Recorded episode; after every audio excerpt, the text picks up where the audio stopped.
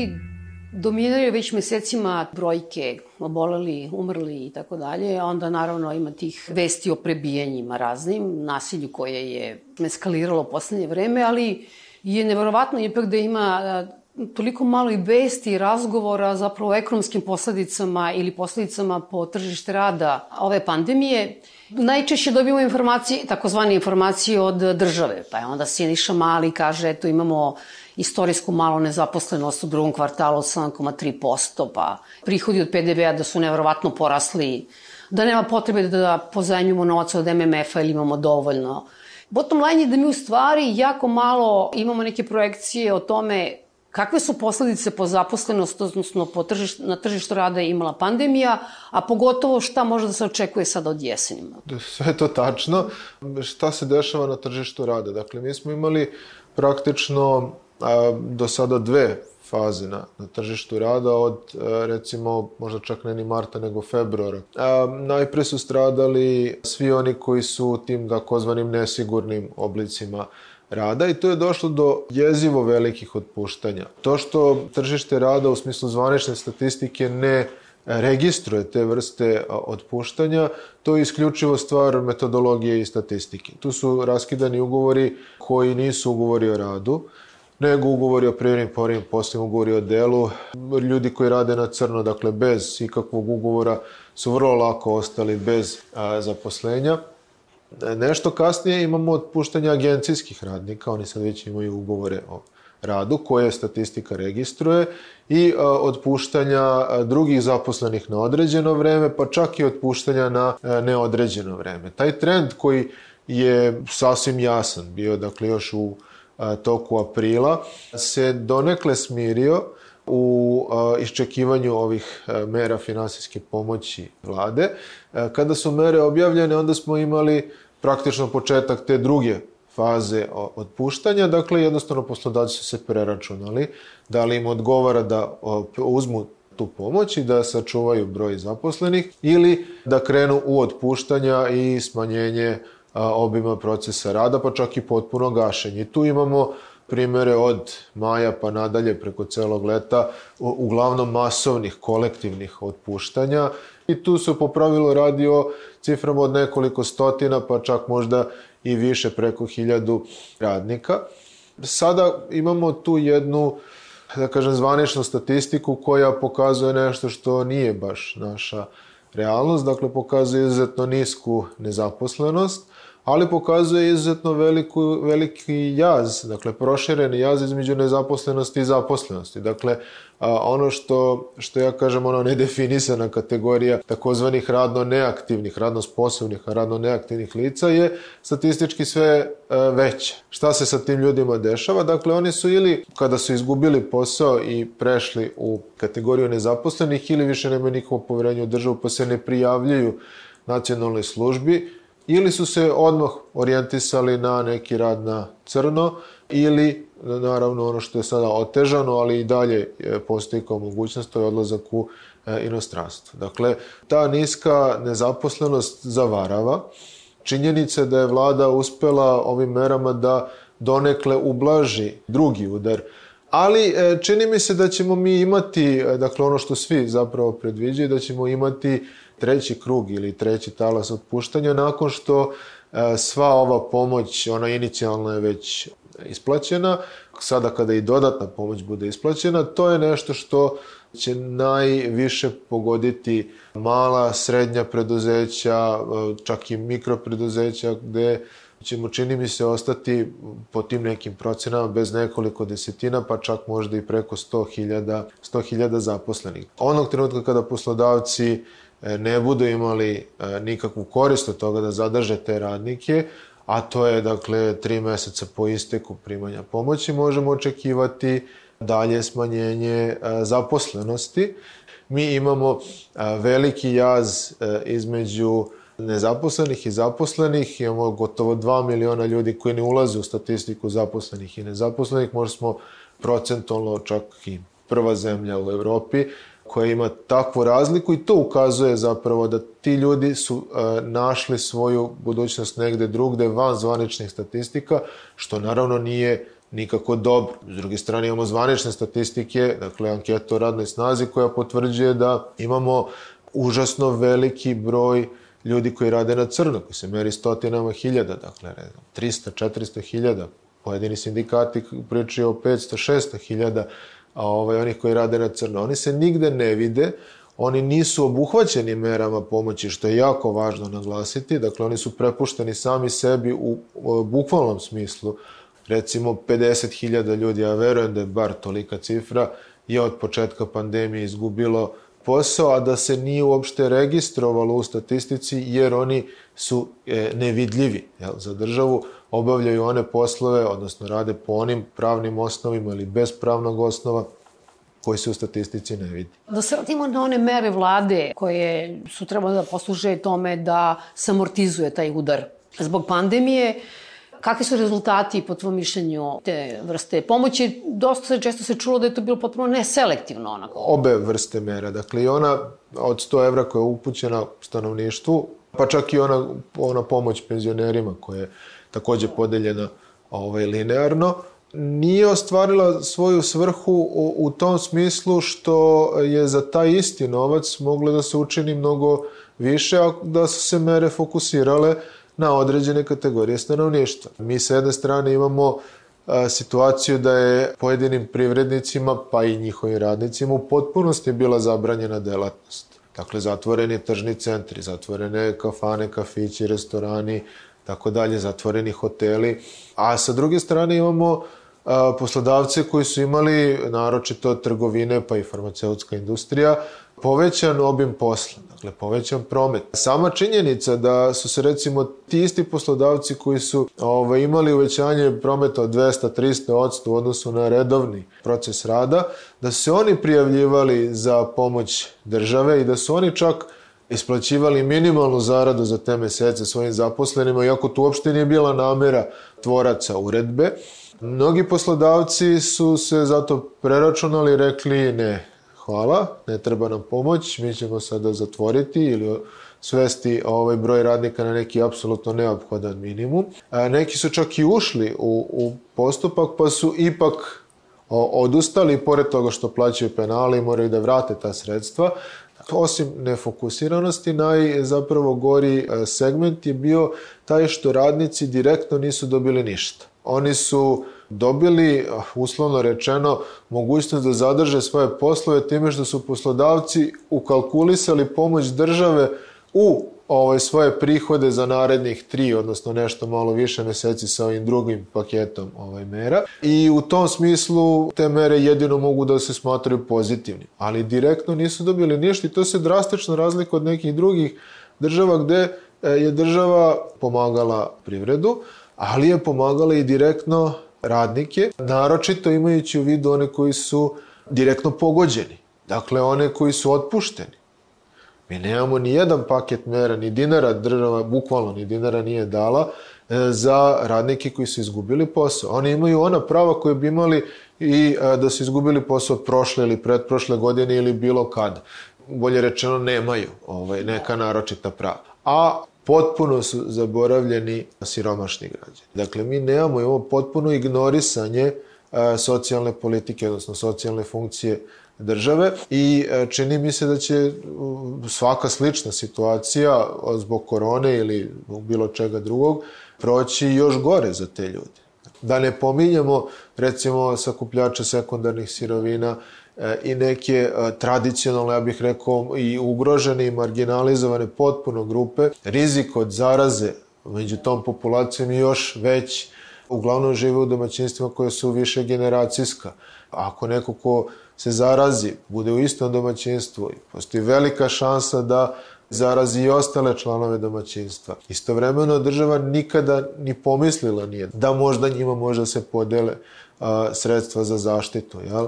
To jeste taj uklapa se u tu celokupnu politiku gde su socijalna davanja samo nešto što treba da se svede na minimum i gde se neprestano uzima iz socijalnih davanja da bi se obezbedio budžet i za vojsku i za policiju, ali naročito za finansiranje ove neodržive ovaj, ekonomske politike privlačenja stranih investicija. Među tim građanima koji su i najsiromašniji, jako veliki broj njih je nisko kvalifikovana radna snaga, tako da kažem, i njima je jako mnogo značilo da odu do Beča, da rade nešto tri meseca i da onda imaju neku rezervu da prežive zimu, jeli? a sada je i taj odlazak na povremene poslove neizvestan ili nemoguć praktično.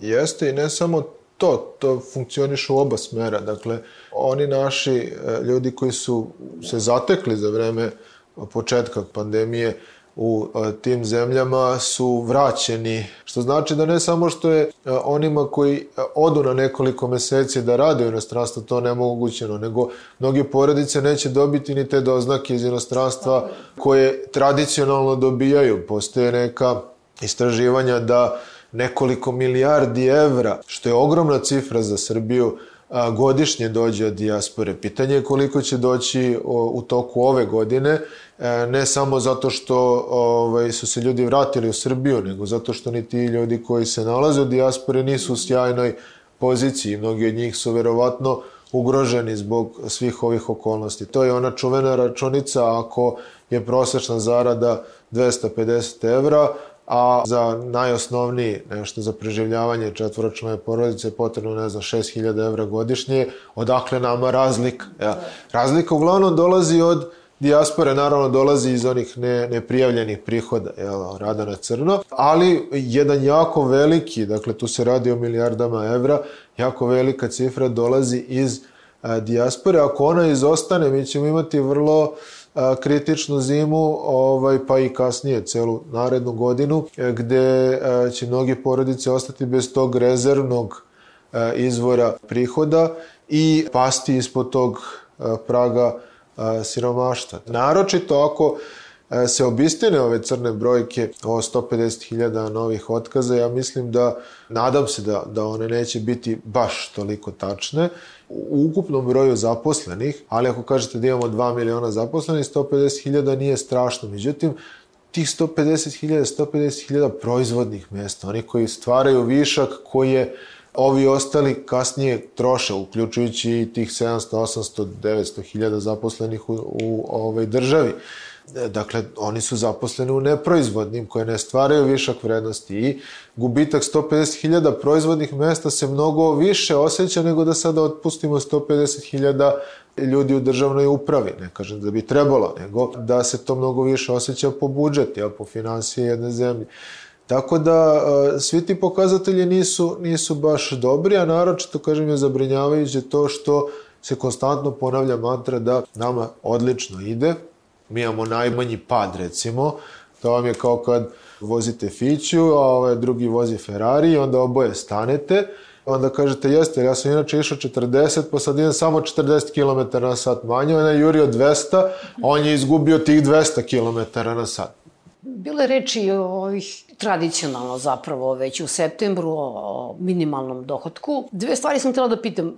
Jedna, čemu služi taj socijalno-ekonomski savet kada i sada, kao i prethodnih godina, nikada da nisu postigli konsenzus ili jednom samo. Dakle, na kraju ipak vlada, odnosno Vučić praktično donese odluku kolika je ta cifra i sada je taj minimalac, što ga zovu, je li tako, 32.180 dinara, ili tako nešto, je li? Socijalno-ekonomski savjet je naravno nužno potreban i sve razvijene zemlje imaju. On je mesto, glavno mesto, da kažem, epicentar socijalnog dijaloga. Problem je što je kod nas socijalni dijalog mrtav. Mislim da je ovaj, Dušan Vuković, predsednik Saveza samostalnih sindikata, to lepo rekao. Dakle, pregovori o minimalnoj zaradi služe da se mi sastanemo, da nešto simuliramo i da onda e, čak ne ni vlada, nego predsednik koji apsolutno nema nikakve nadležnosti sa tim prelomi koliko će minimalna zarada iznositi.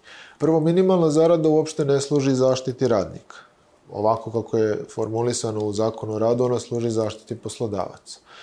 Drugo, minimalna zarada u visini te minimalne potrošačke korpe e, jeste jedan vrlo opipljiv cilj. Pre, on je negde sad oko 38.000, blizu 30.000. Od prilike, tako. Dobro. To je jedan vrlo opipljiv kvantifikovan cilj. Međutim, kada vi pogledate tu minimalnu potrošačku korpu, vi shvatite da to nema ovaj, zapravo veze sa realnošću, jer niko ne može da preživi od te minimalne potrošačke korpe, odnosno može, ali to se svodi bukvalno na to što sam rekao, preživljavanje. Biološko. Dakle, biološko, da kažemo, ovaj, reprodukciju onoga što istrošimo, da toliko i unesemo, čak o tome ovaj, se Rita Bradaš pisala, čak nije ni toliko, jer prema preporučenim merama Svetske zdravstvene organizacije, ovo je dijetalna potrošačka korpa, nije minimalna. U toj celom limbu između faktičkog i formalnog minimalna zarada je počela da se e, posmatra kao ta neka garantovana zarada, što nije nije tačno, jednostavno nije tako regulisano zakonom o radu. I dalje u zakonu o radu, ovom još uvek važećem, e, stoji da nju odlukom e, uvodi poslodavac kada ne može da isplati ugovorenu zaradu. Što znači da ugovorena zarada mora da bude veća od minimalne. Poslodavci to uglavnom poštuju na taj način što za jedan dinar povećaju minimalnu zaradu i to onda više nije minimalna zarada, nego je neka ugovorena zarada, što je naravno zloupotreba trenutnog e, rešenja, a, ali se mnogi parametri i u zvaničnoj državnoj retorici i politici upravo vezuju za, za minimalnu zaradu kao da je to nešto što je garantovano radniku i što je, ajde da tako kažem, obaveza države da mu pruži da bi imao dostojanstven život. Ne može da ima dostojanstven život e, na osnovu toga. Sarita je izdvajala posebne kategorije, pa tu došlo od toga da vi jedete, ne znam, sad Lupiću, ne znam tačno, recimo 6 grama čokolade dnevno, meso jednom ovaj, ili dva put nedeljno. Ima nekih absurdnih stvari koje recimo kažu da treba da potrošite, ne znam, 100 dinara recimo mesečno za školovanje deteta, a svako ko je ikada doživeo prvi stres 1. septembra takozvani, ovaj zna da svakog 1. septembra po toj računici oni potroše za 4-5 godina. Ovaj, postoji istraživanja koja kažu da realne potrebe jedne porodice idu na tu prosečnu potrošačku korbu koja je 70 i nešto hiljada dinara i koja bi trebalo još i da se uveća obzirom da e, ona se računa prema sad ne znam tačno recimo 2,3 člana domaćinstva pošto nijedno domaćinstvo nema 2,3 člana. Realno domaćinstva sa decom odnosno porodice sa decom će imati veće prohte pa se tu dolazi do nekih recimo 800-900 evra mesečno oko 100.000 otprilike za osnovne potrebe jedne porodice i onda dolazimo do, do tih ogromnih razlika i dolazimo do potrebe zapravo da u zakonu razlikujemo minimalnu od garantovane zarade, što sada nije, nije slučaj. E, da li će to dovesti do dodatnog opterećenja poslodavaca? Da, naravno. Ali i tu država može e, dosta da pomogne. Može da e, sve što je u rangu garantovane zarade ne oporezuje, može da ukine mnoge fiskalne, parafiskalne čuvene namete, naročito malim, mikromalim i srednjim preduzećima koje su posebno opterećena, što podrazumeva manji priliv novca ka državi, ali onda podrazumeva i racionalnije trošenje novca od strane države. Mi imamo linearne poreze, imamo gde se prilikom raspodele te dobiti vrlo lako novac iz, iznese iz zemlje ili ovaj, rasporedi vlasnicima ili tome slično. Ja sam to jednom čuo od jednog radnika, kaže dođe nam gazda onaj BMW Jeep od ne znam 60.000 evra i podeli, kaže, svima po 2-3 hiljade na ruke i kaže, eto, nemam para za više, firma je u teškom stanju i, kaže, odveze se tim istim džipom nazad. E, to je naša realnost i sistem omogućava da ako ekstremno dobro poslujete, da ekstremno dobro i zarađujete, a da vam radnici ostaju u ekstremno lošim uslovima koji i omogućavaju taj, taj visok profit. To je sistemska greška, odnosno nije greška, nego je sistemski problem koji je napravljen tako da bogati postaju bogatiji, siromašni ostaju siromašni ili postaju još siromašniji i tu se nalazi zapravo tačka spajanja poslodavaca i sindikata, odnosno poslodavaca i radnika, jer mali poslodavci, mala srednja preduzeća i e, radnici ovde su praktično na istom zadatku, odnosno u interesu jednima i drugima da se tako nešto promeni. Ja sam zato svoje vremeno rekao i stojim pri tome da mali poslodavci koji u Srbiji zapošljavaju, negde sam pročitao, čini mi se da nekih 600-700 hiljada ljudi trenutno, što je jako velika cifra, zapravo trećina zaposlenih, i ti njihovi zaposleni, oni su sada na istom zadatku i oni moraju da zajedničkim snagama utiču da se ove politike promene. Sve češće, dakle, kada ja pokušavam da sagledam to. Ja kažem, ovo izlazi iz okvira radnog prava i ulazi u krivično pravo. Da? To sam prvi put ovaj, upotrebio na primjeru Goše, već ovaj, vrlo poznatom, gde je zaista bilo potrebno utvrditi krivičnu odgovornost poslodavca koji je na kraju prošao nekažnjeno. Ja sam još pre nekoliko godina imao situaciju gde poslodavac kaže pa da, ja ne isplaćujem ove zarade, Dođe inspekcija rada, naloži mi da isplatim, ja ne isplatim, oni pokrenu prekršeni postupak. Prekršena kazna je, kaže, na nivou zarada za 10 zaposlenih i to traje nekoliko meseci. Postupak nekad, kaže, čak i zastari pa ne platim ništa. Ja, kaže, zaradim ove milione na tom. Vrlo bezobrazno, ali veoma tačno. Kao da u ovom najnovijem tekstu e, pišemo poslodavcu koji nema toalet za svoje zaposlene. Tu je reč o velikom poslodavcu koji uspešno posluje. Ta razlika između normiranog i stvarnog je a, e, tolika da a, ovaj, i na tome je jedna ovaj, sagovornica, radnica ovaj, a, a, skrenula pažnju. A, kaže, a, e, naš poslodavac se reklamira tako što kaže a, ograničeno radno vreme i redovna isplata zarade kaže poslodavac koji poštuje zakon. Dakle, tako se re reklamira. Što znači da je on na nivou izuzetka.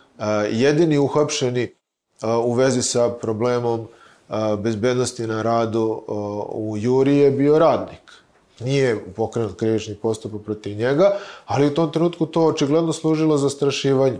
I do čega je to dovelo? Do desetina obolelih od ovaj, korone u Juri neposredno nakon tih protesta, jer su ljudi znali šta će se desiti zbog načina na koji se poslodavac obhodio. Protiv tog poslodavca, koliko ja znam, nije pokrenut krivični postupak, iako je ugrožavao bezbednost ljudi i direktno kršio nekoliko ovaj, zakona. Tako da, evo imamo sada i kineskog poslodavcu Boru, koji je inače poznat od ranije po ovaj, vrlo egzotičnom tumačenju zakona, pa je od eh, svojih zaposlenih i tražio razne podatke o ličnosti i na ograničavao kretanje i tako, ovaj, vrlo vrlo ovaj, eh, zanimljiv poslodavac i sada je konačno svima nejasno kako je taj poslodavac koji inače na svakom ovaj, koraku se pokazuje kao neko koga nije apsolutno briga ni za te radnike, ni za ovu zemlju, kako on odjedno može tako da zagađuje životnu sredinu. Pa naravno da može, jer ako ovaj, mu neko kaže, ja, pa ti ne moraš da poštoješ te radne propise, radi sa radnicima šta hoćeš, on će shvatiti da ne mora da poštoje ni jedan propis, Malo pre si pomenuo ove turske radnike. Vrlo često sada vidimo kineske radnike, pogotovo na izgradnji infrastrukture, puteve i tako dalje. Znamo za ovaj slučaj ovih nesrećnih indijaca koji su štrajkovali u Kraljevu i tako. Znači, u Srbiju dolazi na ovaj ili onaj način dosta stranih radnika. Mi nismo tu nikakav izuzetak. Da. Dakle, to su recimo Rumuni osetili praktično odmah po prijemu u Evropsku uniju i imali su i dan danas imaju jednu od najnižih stopa nezaposlenosti u ove Evropi ali to ništa ne znači, jer to zapravo znači da su svi izbegli negde i da. otišli. Da. I oni su otprilike trećinu stanovništva izgubili ovaj, u par godina nakon prijema u, u Evropsku uniju, to trećinu radno sposobnog stanovništva. A, slično se dešava i u, u mnogim drugim zemljama, recimo u Hrvatskoj. E sad, ako uzmemo tu klasičnu kapitalističku logiku da je cena nečega odnos ponude i potražnje, ako je potražnja e, veća od ponude, znači da roba mora biti skuplja tom logikom ovaj, bi rad mora da se plaća skuplje. Da biste nekoga zadržali, morate da mu ponudite bolje uslove rada ako je njegova profesija u tom trenutku deficitarna. I to je taj neki paradoks ko, do kog dovodi da se uslovi rada toliko pogoršaju, da moraju da se poboljšaju da bi tržište rada opstalo. Međutim, naročito u Srbiji i u o, Severnoj Makedoniji, dolazi do drugog trenda, to je uvoz radne snage, što je takođe jedno tržišno ponašanje. Tu je zapravo ključna reč ovo kako ulaze ovako ili onako. Između ovako i onako postoji jako velika razlika. Ovako u smislu zakonito, radnici mogu da dođu putem tih međudržavnih sporazuma kao što mi imamo sa Kinom, gde oni praktično za infrastrukturne projekte koje izvode, dovode svoje radnike i visoko kvalifikovane i one najniže ovaj, kvalifikovane, mnogo više zabrinjavaju nelegalni jel, put a, koji podrazumeva da ti radnici rade na crno. Više stotina radnika, negde sam sad pročitao, čini mi se pre par dana izašao je tekst da se pominje čak i više hiljada radnika, stranih radnika, koje je inspekcija rada pronašla u prethodne recimo dve godine na raznim poslovima, uglavnom na gradilištima. Oni su u istom položaju kao i domaći radnici koji rade na crno, osim što se nalaze u stranoj zemlji, što vrlo često i najčešće ne znaju jezik, ne poznaju pravni sistem, nemaju kome da se obrate ili ne znaju kome da se obrate za pomoć. A, vrlo često sve što dobiju ili poslodavac direktno uplaćuje porodicama kod kuće ili oni šalju porodicama kod kuće, dakle su uvek bez para. Tu zapravo ne postoji limit radnoj eksploataciji. Ono što je indikativno i što je jako loše, jeste da se svi ti slučajevi vezuju za državne projekte gde postoji neka koncesija, pa je koncesionar dao podugovaraču, podugovarač je naša neka domaća firma koja angažuje te neke strane radnike. Tako da mi imamo upliv stranih radnika i što je najvažnije, mi ne znamo koliko njih ima. I svaka čast inspektorima rada koji su vrlo tu detaljno i dobro odradili posao. Naravno, treba iz toga što inspektori rade, treba da proistekne neka posledica. Ja vidim da posledica izostaje. E, ministarka Mihajlović je pohvalila inspektore rada, nadam se kažem da niko nije izgubio posao zbog te pohvale, ovo mislim ironično, ali nije rekla, e, ovo je nedozvoljeno, ovaj poslodavac više neće raditi za državu. I sad odmah raskidamo taj ugovor. Što bi bilo normalno u bilo kojoj zemlji. Ovde poslodavac nije ni pomenut verujem da je pokrenut prekršeni postupak, pošto to inspektor rada sam pokreće, jel? ali, kao što rekao, polovina prekršenih postupaka se ni ne dovede do kraja. Poslodavci rado plaćaju te kazne jer su mnogo niže od onoga što oni zarade na, na ovaj, toj radnoj eksploataciji. Tako da to nije rešenje. Rešenje je da se taj poslodavac potpuno odstrani i da ne može narednih 5-10 godina da ima ni jedan, da učestvuje ni na jednom tenderu, da dobije bilo kakav posao koji plaća država. Dakle, mora dugoročno da mu se ne isplati da bismo to ovaj, obuzdali. Inače ćemo imati, obzirom na situaciju na tržištu rada i obzirom na činjenicu da je odavde otišlo, podaci Eurostata su poražavajući sami po sebi.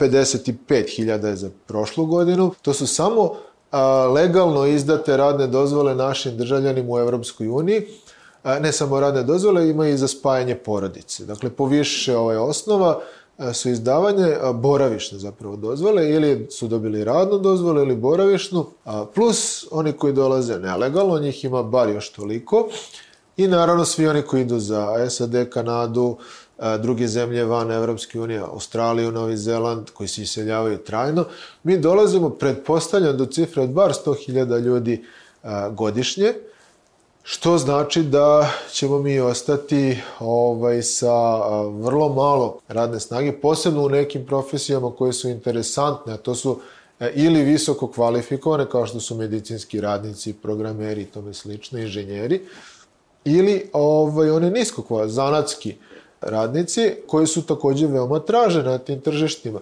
E, što znači da ćemo mi nastaviti sa uvozom radne snage, iako trenutno je ovaj nelegalni deo dominantan odnosno na legalni. Ako se tako nastavi, pretpostavljam da ćemo imati izuzetne poremećaje na tržištu rada, da nećemo moći da se uzbijemo rad na crno koji ovako ovaj cveta i što je najvažnije, nije najvažnije, ali je jako važno, ti ljudi e, neće imati e, nikakva prava e, i sa jedne strane će oni biti radno, radno eksploatisani, a sa druge strane će njihova pojava uticati na to da domaći radnici dalje rade pod nekim banalno lošim uslovima. Čini mi se da čak neko iz Unije poslodavaca rekao da ni poslodavcima nije jer poslodavac koji se pridržava propisa je sada u problemu, pošto ovaj drugi ima jeftinu radnu snagu i obara cenu proizvoda, e, da je u interesu i poslodavaca i sindikata da se napravi dugoročna strategija ovaj, uvoza radne snage, da se ono kao i do sada što je bilo, ovaj, a, ograniči samo na one profesije koje su deficitarne. Tako nešto ne postoji kada imate radnike koji su dovedeni na, na rade na crno. Ti indijski radnici ovaj, e, bi radili za manje od 32.000. Sad problem poslodavca je što ne može da im ponudi manje.